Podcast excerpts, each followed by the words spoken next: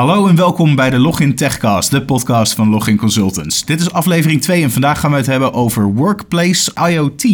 En dat doe ik natuurlijk niet alleen. Mijn vaste co-host Erik van Klaveren zit weer tegenover mij. Erik, hoe is het met jou? Ja, goed. Jij klinkt ook, uh, ook lekker vandaag. Ja, uh, ruk. Terwijl jij natuurlijk in de eerste aflevering uh, helemaal een gare keel had, doe ik nu ja. met je mee. Dus kopjes dank thee je, rond je. de tafel. Maar misschien dat onze gast daar ook nog wel last van heeft. want dat is Andreas van Wingerde. Andreas, stel je voor en wat is de staat van jouw keel?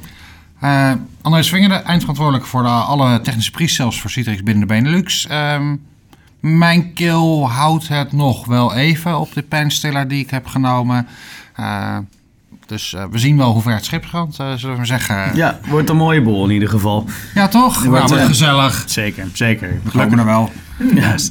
Nou ja, voordat we in de materie duiken, hebben we een aantal uh, korte keuzevragen voor je. Je krijgt van ons twee keuzes voorgeschoteld. Je moet er zo snel mogelijk heen kiezen. Het gaat er echt om om die snelheid erin te houden. Niet na te denken, wat zijn je antwoorden? Laten we gauw beginnen. Bring your own of company-owned device. Bring your own. Modern Workplace of VDI? Modern Workplace. Vertrouwd datacenter of the power of the cloud? Power of the cloud. Smart lamp in je huis of een free busy indicator op je bureau? Free busy indicator op het bureau. Steak of spare ribs? Spare ribs, nee, geitjes. Steak. Steak, steak. Lekker. Kijk, dat is, dat is een goed mannenantwoord. Nog uh, dingen waar je op zou willen uitweiden?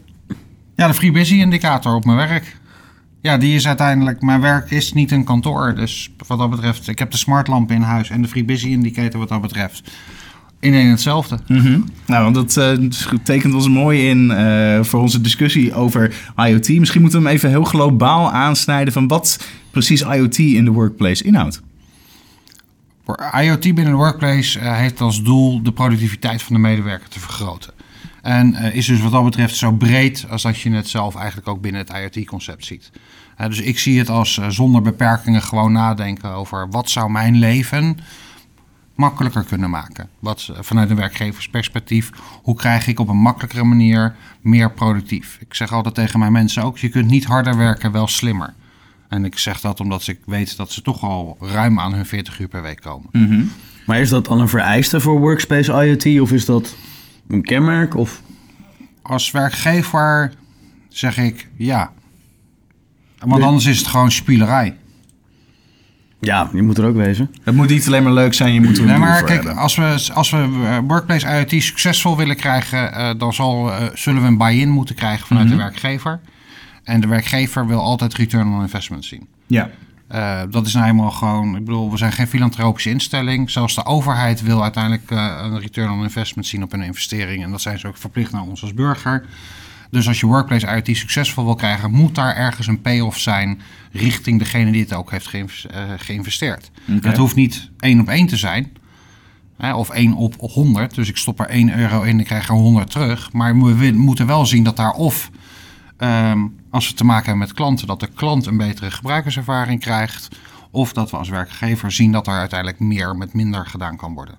Of met dezelfde hoeveelheid mensen uiteindelijk een grotere capaciteit uh, behaald wordt. Okay. Dus, dus daar moet een winst in te behalen zijn. Anders gaat het gewoon niet gebeuren. En wordt dat al geadopteerd bij bedrijven op het moment? Nee. Nee. Ja, heel kort gezegd. antwoord. Nou, uh, in, in productie nee. Ik, uh, ik zie heel veel uh, ideeën, ik zie heel veel projecten, ik zie heel veel leuke scrums ontstaan om daarover na te gaan denken. Maar mm -hmm. als je nou gewoon concreet kijkt naar waar zien wij echt al echt voorbeelden van Workplace IoT, dan zeg ik nee. Je ziet kleine, kleine stapjes ontstaan. Mm -hmm. uh, maar dat heeft alles te maken met dat we gewoon nog een enorm, ja, misschien wel voorhoedegevecht aan het voeren zijn over de dingen die bij zouden moeten dragen om Workplace IoT te kunnen realiseren. Wat zou dat dan zijn? Of, of...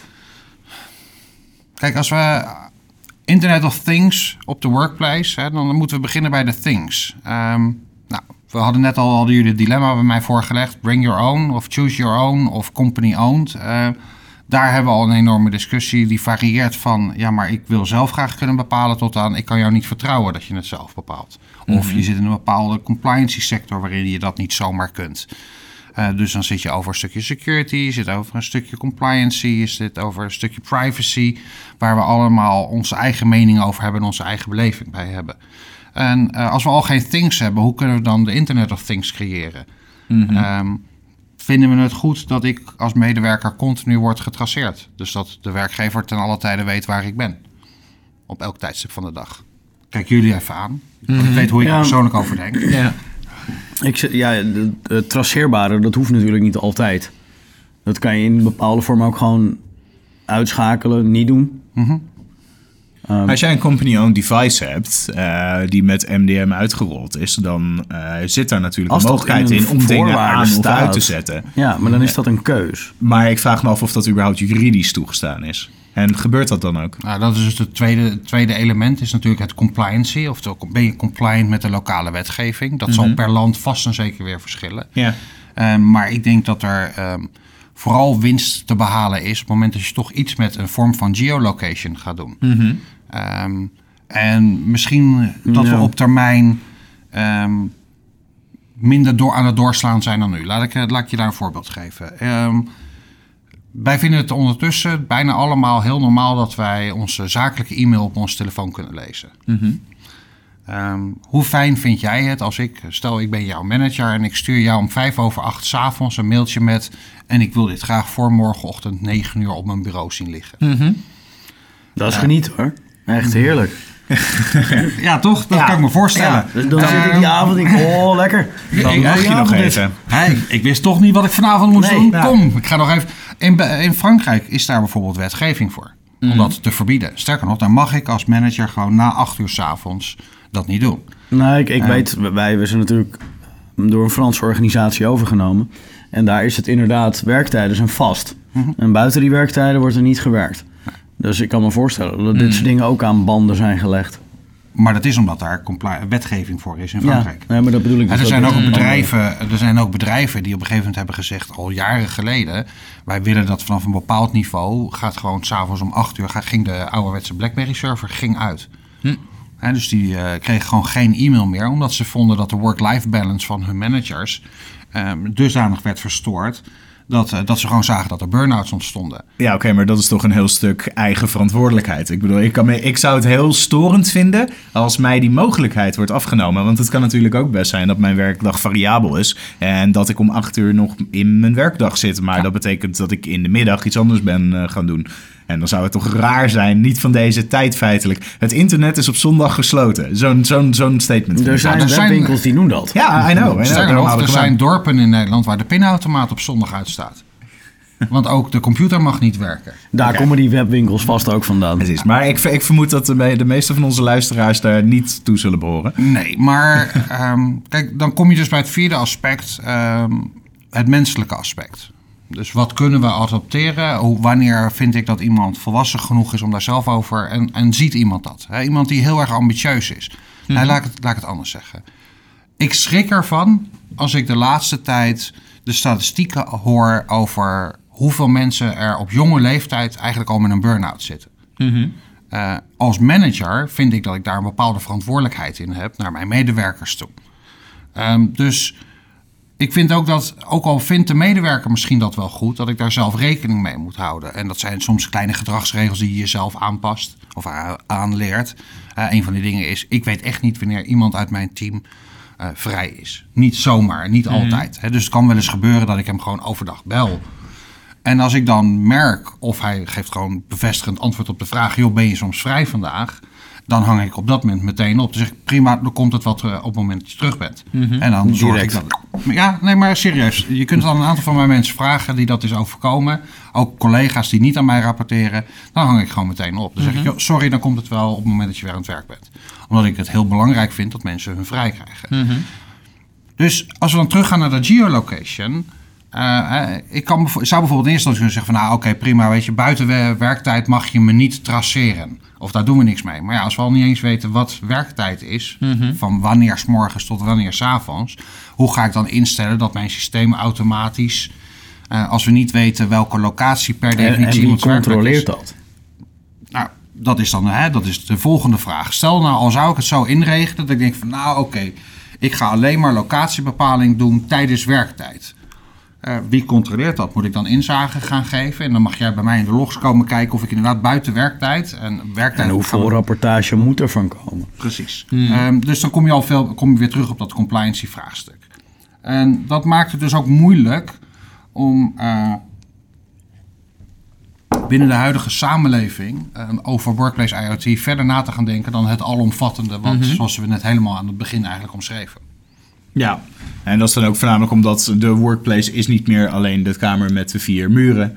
eh, maar neemt, we nemen het ook allemaal mee naar huis. En eh, ja, dat, dat zeker. Dat is stap 1. Stap 2 is de applicaties die wij gebruiken en de middelen die wij gebruiken, eh, zijn ook niet meer per definitie allemaal van dezelfde van jouw werkgever.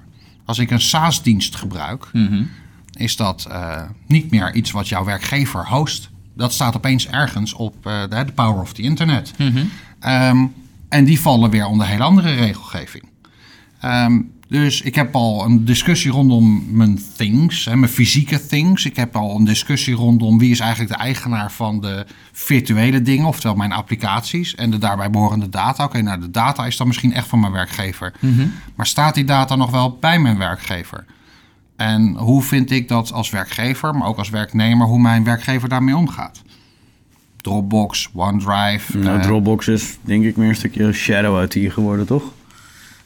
Dropbox voor nou, Business er probeert staat Dropbox voor Business. eh, Probeert, maar is... Nou ja, dan zijn er de, de zakelijke alternatieven, hè, die ook Citrix natuurlijk binnen zijn portfolio heeft. Mhm. Ehm, hè, enterprise collaboration en al dat soort. eh, Sharefile Sharefile. Sharefile is een goed voorbeeld. hè. Ehm, waarbij ook binnen Sharefile weer de keuze is: is het nou data die we in het datacentrum opslaan of in de public cloud?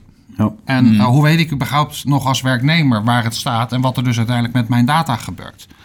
Ehm, hoe weet ik dat ik überhaupt enige vorm van privacy heb op het moment dat ik gebruik maak van de resources van mijn werkgever? Mag ik dat zomaar wegweven in een, in een overeenkomst die ik te- te- als werknemer en werkgever opstel? Ehm, Moet je altijd Nou maar akkoord gaan met alles wat je voorgelegd wordt. nou ja, ik heb bijvoorbeeld die van onszelf heb ik niet getekend. Oké. Wij hebben een, eh, een, een eh, overeenkomst voor elke werknemer waarin een security policy staat, waarin wat we wel en wat we niet mogen en waar de werkgever wel of niet recht op heeft. En ik heb aangegeven eh, dat ik die niet teken. Tenminste, ik heb het aangegeven. Ik heb hem ook niet getekend. Het ligt bij General Counsel. Die hebben ernaar gekeken. Die hebben ook gezegd... nou, binnen de parameters van de Nederlandse wetgeving... zitten er ook wel een aantal kanttekeningen aan... die juridisch gezien niet eh, stand kunnen, zullen houden. Dus daar moeten we opnieuw naar kijken.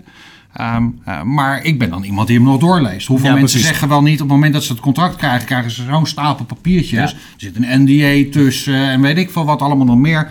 En je tekent eigenlijk bijna alles Mhm. klakkeloos. Want ja, je hebt eigenlijk aan het begin alleen maar onderhandeld over wat kom ik hier doen en tegen welk salaris en eventueel welke auto krijg ik. Mhm. Nou, dan heb je nog mensen die daar dan een discussie aan toevoegen met welke laptop en eventueel welke telefoon. Maar dan hebben we het ongeveer wel gehad. Mhm. Je gaat niet een discussie starten met je werkgever over geheimhoudingsovereenkomsten of privacywetgeving en, en, en zijn beleid. Nee, maar privacywetgeving is volgens mij nu... We hebben nu één mooie wetgeving voor, als het goed is, per 25 mei. Althans, die zou moeten behartigen. Waarbij ze je wel eerst gevraagd hebben of jij er akkoord mee zou zijn dat alles gedeeld werd. Nee, want dat is juist wat erin staat. Hm. Het gaat om persoonsgegevens Mhm. en hoe je ermee om moet gaan. Ja, je bedoelt de GDPR. Ja. Ja. Ah, oké. Hoeveel bedrijven eh, zijn er volgens jou compliant op dit moment? Volgens mij, nou, ik heb de, de, de gegevens niet exact. Ze zouden natuurlijk ook compliant moeten zijn, want het is ter vervanging van eerdere wetgeving, datalekken en ehm, wetgeving persoonsgegevens, die al sinds januari 2001 van kracht is geweest. Ehm, dus eigenlijk zou de adoptie van GDPR binnen Nederland zou vlekkeloos moeten verlopen. En toch denk ik dat er een hele hoop bedrijven er een hele hoop geld aan kunnen verdienen. Aangezien we nu pas wakker worden geschud met wat, wat zijn persoonsgegevens, hoe je ermee omgaan, waar staan ze, wie kunnen erbij, kunnen we het auditen. Maar dat is volgens mij even een ander onderwerp. Dat is, voordat, Ja. eh, voordat we in een, eh, in een we volgende daar, eh, podcast eh, Ja, precies. Oké, goed. Dus er zijn een hele hoop ho- haken en ogen aan eigenlijk, als ik het zo Ja, hoor. en Security en privacy. En, en dat staat, eh, vind ik, op dat vlak. eh, nou, en ook gewoon de productiviteitswinst. Eh, we hebben gewoon gezien in de, afge- in de jaren die achter ons liggen, in, zo- in de meest brede zin, ehm, dat het investeren, blijven investeren in IT niet meer hetzelfde rendement ophaalt als in het verleden. Eh, dus we zitten daar met een productivity gap van gewoon een aantal miljard dollar per jaar. Tussen dat wat we investeren in IT en dat wat het eigenlijk zou moeten opleveren. Oké, dus alle makkelijk en mooi verkoopbare oplossingen als eh, zodra jij binnenkomt bij je bedrijf word je herkend en eh, er wordt een werkplek voor je gereserveerd, er gaat een eh, groen lampje aan naast je bureau, eh, je computer wordt opgestart en dat soort dingen. Daar halen we niet genoeg winst mee om het, om het in, overal in te voeren.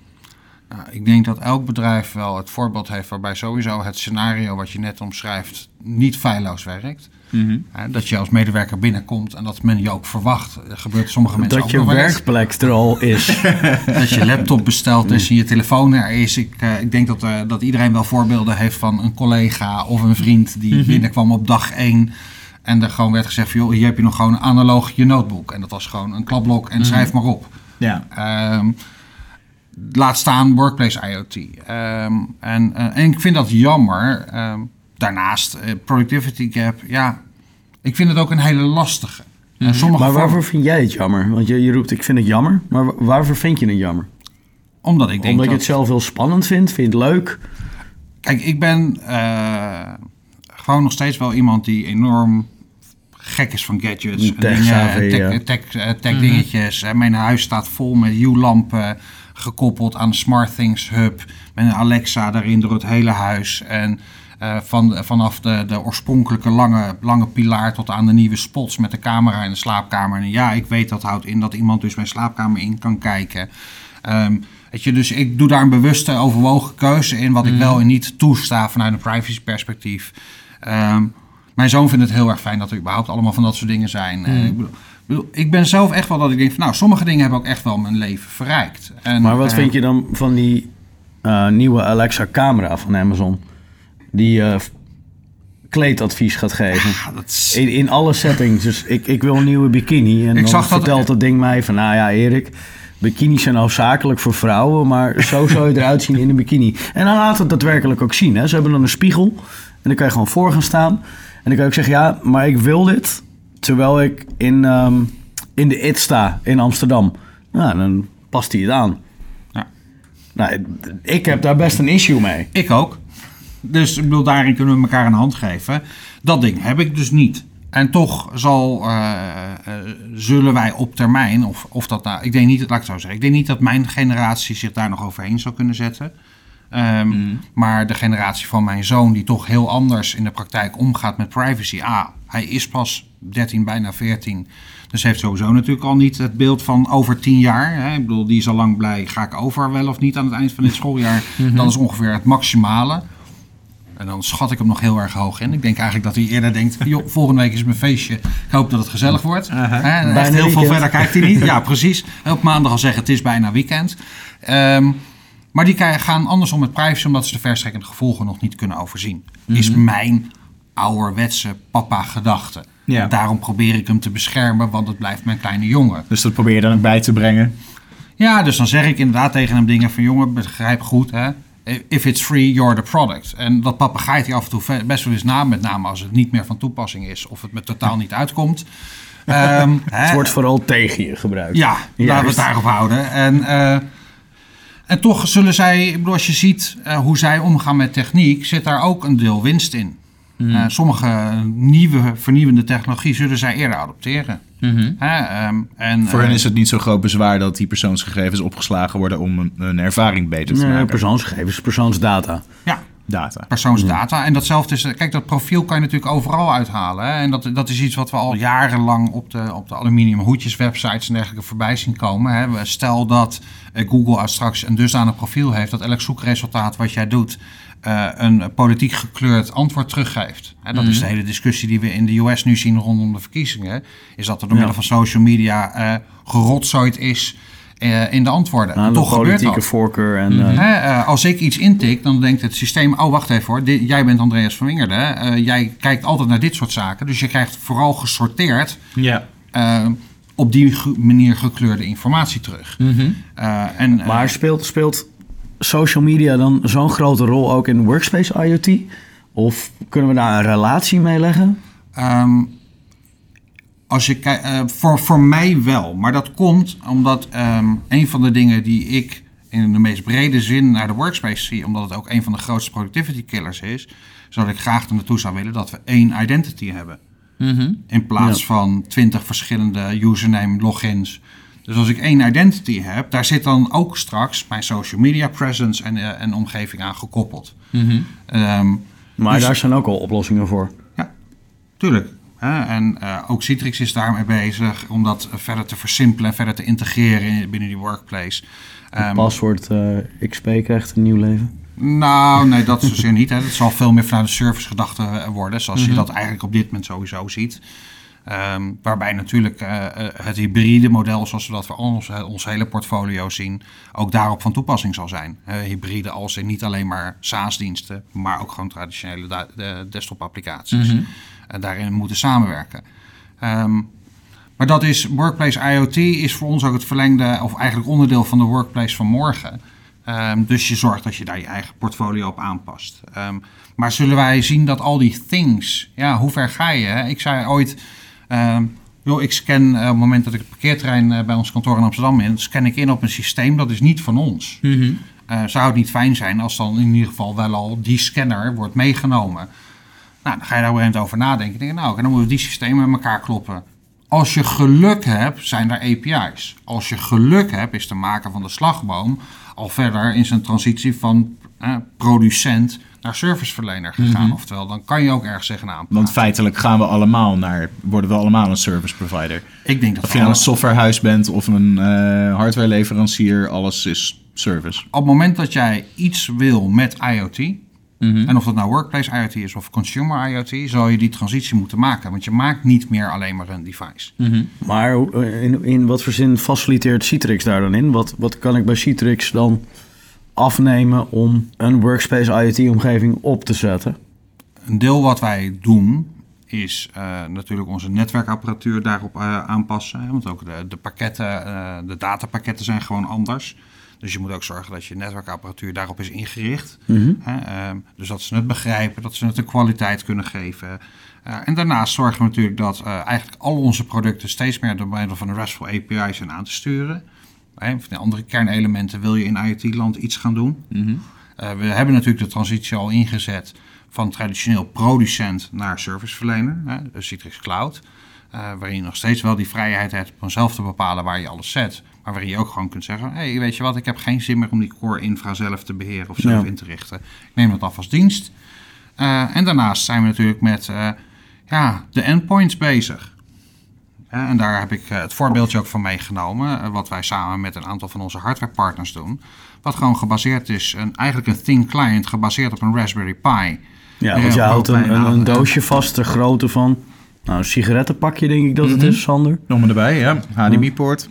Hè, en dit is nog de, de single display adapter. Hè. We hebben ook al het, eh, het model met een dual display adapter bestaat ondertussen ook al.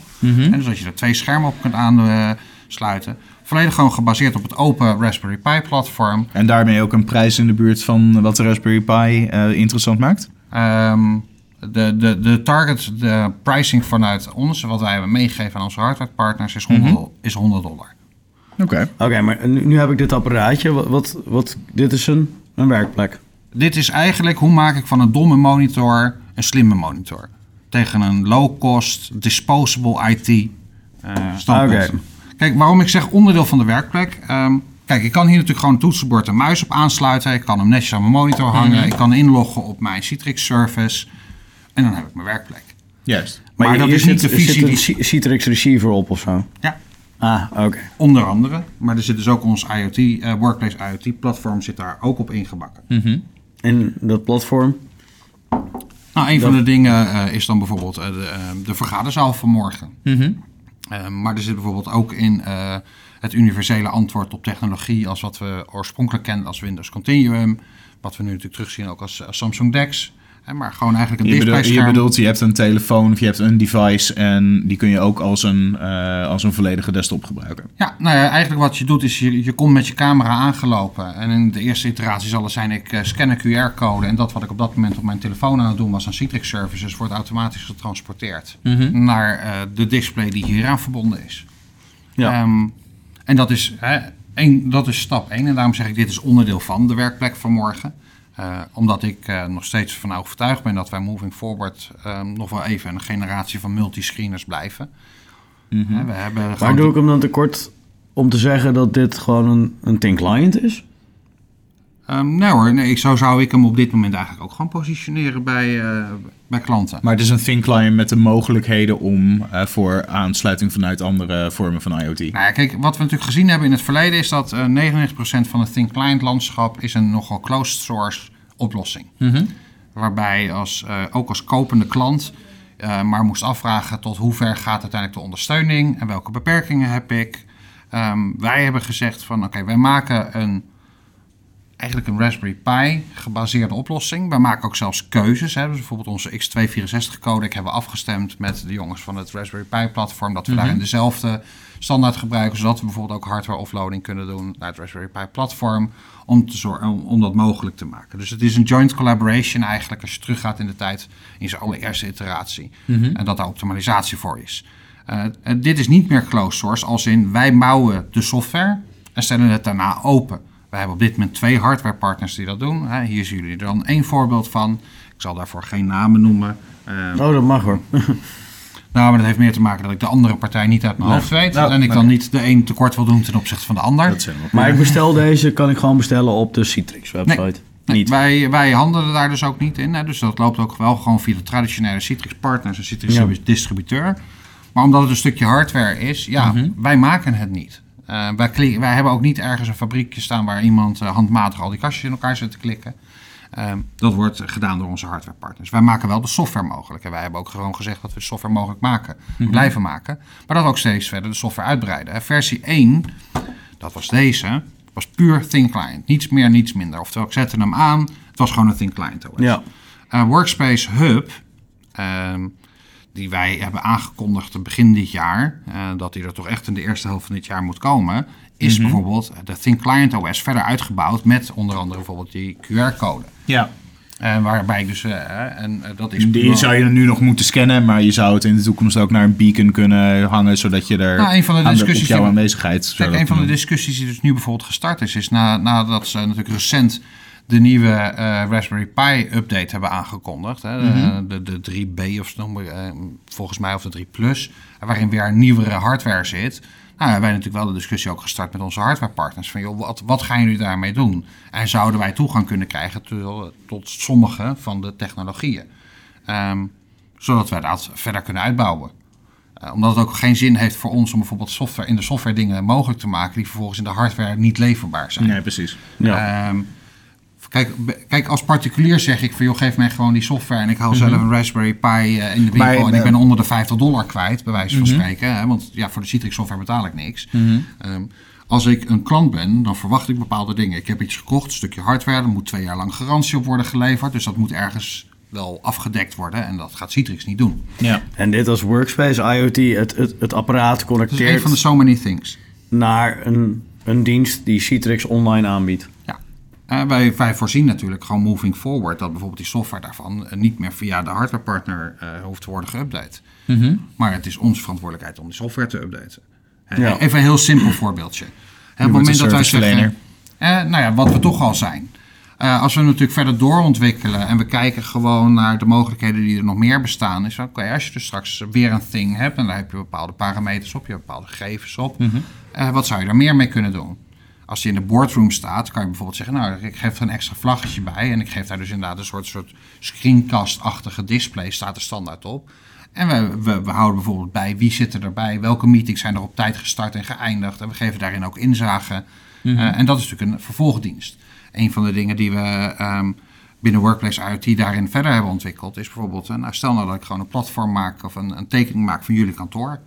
En overal staan die dingen en iedereen werkt eigenlijk standaard via zo'n apparaatje. Dus oftewel, je komt binnen met je telefoon, je scant gewoon in. Je krijgt daar je volledige werkplek met al je diensten, al je applicaties, al je data. Het is toch plaats- en tijd onafhankelijk. Ja. En dan hebben we meteen van, hé, hey, oké, eh, jij was hier. We kunnen dan ook zien welke hotspots er zijn. Maar we kunnen ook op de ingang laten zien van, hé, hey, als jij een collega zoekt, hij zit daar. Wat natuurlijk ja. steeds lastiger wordt nu we open werkplekken hebben. Eh, Mhm. nou weet ik ook wel dat in de praktijk over het algemeen de open werkplek inhoudt dat het alleen maar is, eh, je mag je spullen er niet laten liggen, maar de meeste mensen zitten toch Zitten vaak altijd op dezelfde plek, ja. Eh, Maar het kan in panden die, die, eh, waar jij bijvoorbeeld zit, bij de klant, die, eh, die heel raar gevormd. En het kan echt een doolhof zijn. Ja. Maar feitelijk is er ook gezegd dat het open kantoortuinen zit. Iedereen zit wel op eenzelfde plek. Maar als je daar iemand moet zoeken, Mhm. is dit ideaal. Nee, precies. En dan zijn die indicatoren inderdaad leuk. Van dat jij eh, in een zee van rode lichtjes kijkt en je zoekt de groene van Ja. eh, wat het vlaggetje is. Ja, waar die jouw parkeerplaats, die eh, Ja, hetzelfde als de parkeerplaats in het ziekenhuis, waar Ja. een groen, groen of een rood lichtje hangt afhankelijk of er plek is. Nou ja, en, wat, hè, en dan gaan we even helemaal, hè, dan laat ik even mijn gedachten er vrij lopen. Stel nou dat straks we veel meer in de wereld zitten van augmented reality. Dus dat we allemaal gewend zijn dat er ergens over ons gezichtsveld heen een projectie ontstaat. Eh, dan zou het natuurlijk leuk zijn dat jij weet en dat hij jou dus ook gewoon guide door eventueel wel dat doolhof van dat pand. En dan wordt dat gehackt en dan komen. zitten continu vlekjes in je gezicht. Ja, dat dan weer wel. Nou, ik, ik heb daar demo's van, eh, van meegemaakt, van dat soort guidance projecten. En dat werkt wel echt heel erg goed. Alleen daar zitten nu weer de constraints aan eh, dat, je er, eh, dat het nog niet op een gemakkelijke manier te doen is. Tenzij het via je Ja, telefoon de zou kunnen doen. KPN Cloud is er hier ook wel een mooi voorbeeld van. Dat ze, daar hebben ze wel zo'n VR-bril op. Hmm. Maar dan zetten ze wel in die omgeving. En dan zie je een compleet nieuw kantoorpand Hmm. neergezet worden.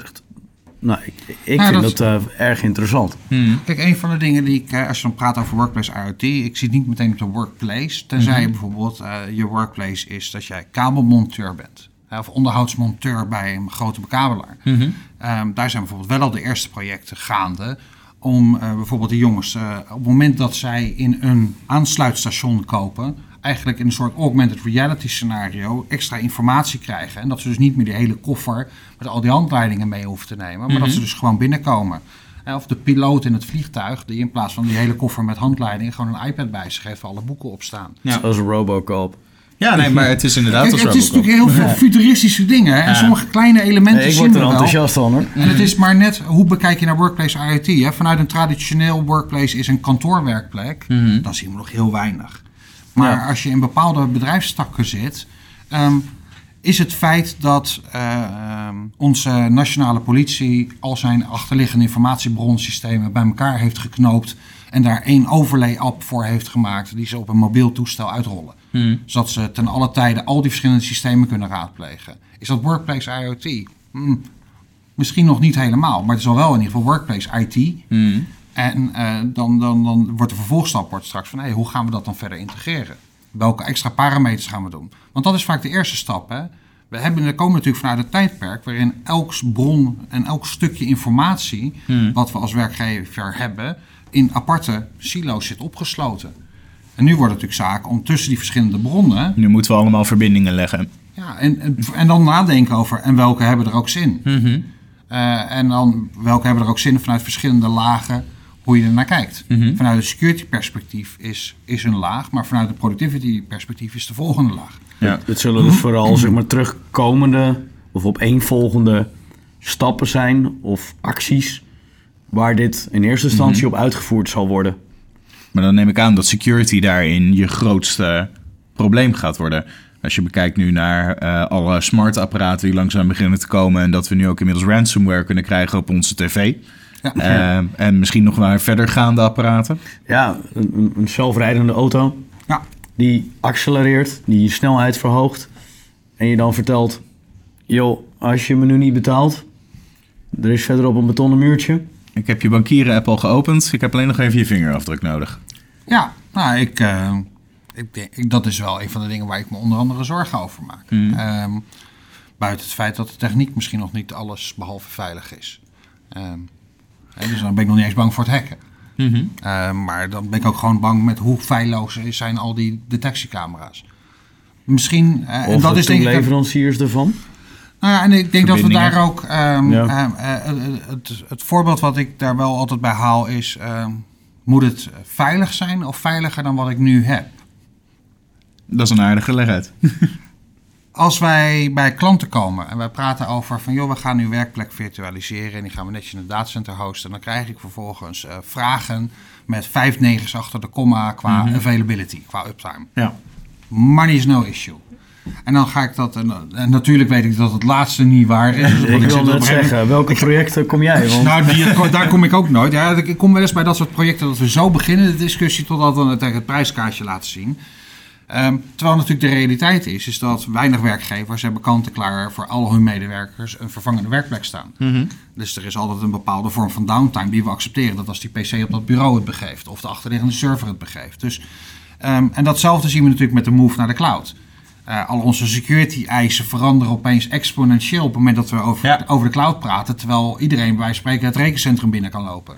ja, Ehm, of- iedereen die kan zeg maar dat kantoorpand binnenlopen waar gewoon die memo op de monitor zit met het wachtwoord erop. Bijvoorbeeld. Hè, dus ik zeg altijd, eh, ik denk dat we de eerste realiteitsslag moet zijn. Het moet veiliger zijn dan wat we nu hebben. Eh, en dan kunnen we verder praten over, maar wat vinden we eigenlijk daarvan? van Maar dat wie, wie zal dat dan moeten toetsen? Dat, het, dat zoiets veiliger is als wat, we, wat er nu staat. Nou, dat is een hele goeie. Want ik vind dat heel lastig, want dat security domein qua mensen ehm, wordt steeds krapper. Want ook, ook met een, een security officer bij, bij een klant, die, die, die zal Sorry, nooit... dat zag je alleen op de camera waarschijnlijk. Die zal het nooit leuk vinden om te gaan zeggen... Oh ja, nee, maar per definitie is, is zo'n move naar de cloud al veiliger. Want eigenlijk hier, ja, hier is het gewoon waardeloos. Dat zal hij niet zeggen, want dat is zijn baan. Ehm, er zijn er die dat wel zeggen hoor. En- Maar die, die hoppen heel veel van werkgever. Nee hoor, die zijn gewoon eerlijk en realistisch.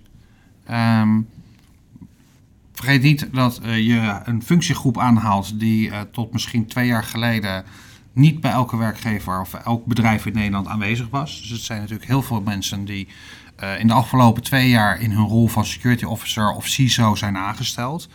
Ehm, waarbij er. eh, en dan ben ik even heel erg negatief voor. En ik hoop echt dat ik niemand daarin schoffeer die dit echt serieus goed doet voor zijn werk. We Maar er zullen heel zo eh, in eh, de aftiteling eh naam Ja hoor, en disclaimertje eh, bij, ja.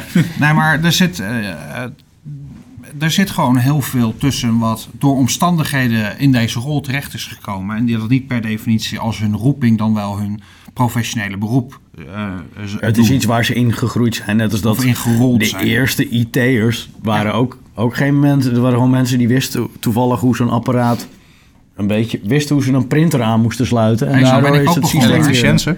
Nou, eh, financiële boekhouding. Ik bedoel, dat Kijk. is mijn achtergrond van oudsher. Hè, mijn eerste taak was het verwisselen van de backup tapejes. En dan ben je op een gegeven moment ben je lang de af, ben je al snel ben je de afdelingsgoeroe. En voor je het weet ben je opeens IT'er. Ja. En twintig jaar later ben je het nog steeds. Ja. Ik wou net zeggen, ja, als je eenmaal in die eh, zandput stapt, dan kom je er nooit meer uit. Nou ja, ik vind het, eh, het is wel waar het gebeurt. Aha. The only constant is change is wel toch wel de meest gehoorde kreet binnen IT-land. en, ja. eh, En, daar, en daarom is, denk, ik- zijn dit soort onderwerpen denk ik ook echt heel erg interessant. Hey, maar als we even wegstappen van het, eh, van het doemdenken, de, de problemen die we kunnen zien eraan. ehm, wat helpt met de adoptie van IoT in de workspace? sexy examples. Dus gewoon je boardroom. Weet je, eh, het is uiteindelijk is, eh, is 80% is spiegels en kralen.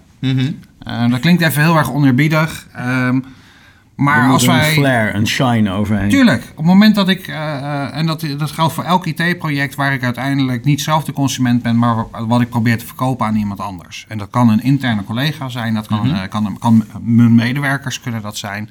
Ik zal mijn dienst of mijn oplossing moeten verkopen. En ik moet mensen naar mij toe trekken. En dat doe je toch het beste met spiegels en kralen. Ja. Dus neem Ehm, ze mee die boardroom in die automatisch dimt de beamer aanzet. Dat, dat Geef werkt. ze- Laat ze zien tablet. dat bijvoorbeeld doordat ze inderdaad nu dan deze tools krijgen en we dit gaan doen, dat ze opeens een uur per dag minder aan administratieve overhead hebben. Mhm. En dat is waar mensen naar op zoek zijn. Stel dat dat je lukt om dat te laten zien. Of dat het veel simpeler is om binnen te komen dan dat je onder je bureau moet kruipen op zoek naar een stopcontact. En allerlei dingen moeilijk, moeilijk moet gaan aansluiten, maar dat het echt is aankomen lopen. Mhm. En pas boem, de- mijn werkplek staat daar. Dat is wat werkt. Zo moet je het doen. Je moet het echt zien te verkopen aan je medewerker. Want anders komt het er niet. Als we allemaal theoretisch en eh, moeilijk, moeilijk. Nee. Ja. Dat is, en, Nee. en daar zullen bedrijven op moeten inspelen. En wat- En dat zullen bedrijven ook wel moeten doen. Want de, de race om de werknemer is ook al lang gaande. Oh, absoluut. Ja, die, voorbeelden die hebben we vorige week kregen we die nog met eh, een bedrijf dat eh, echt enorme concurrentie had van Spotify. eh.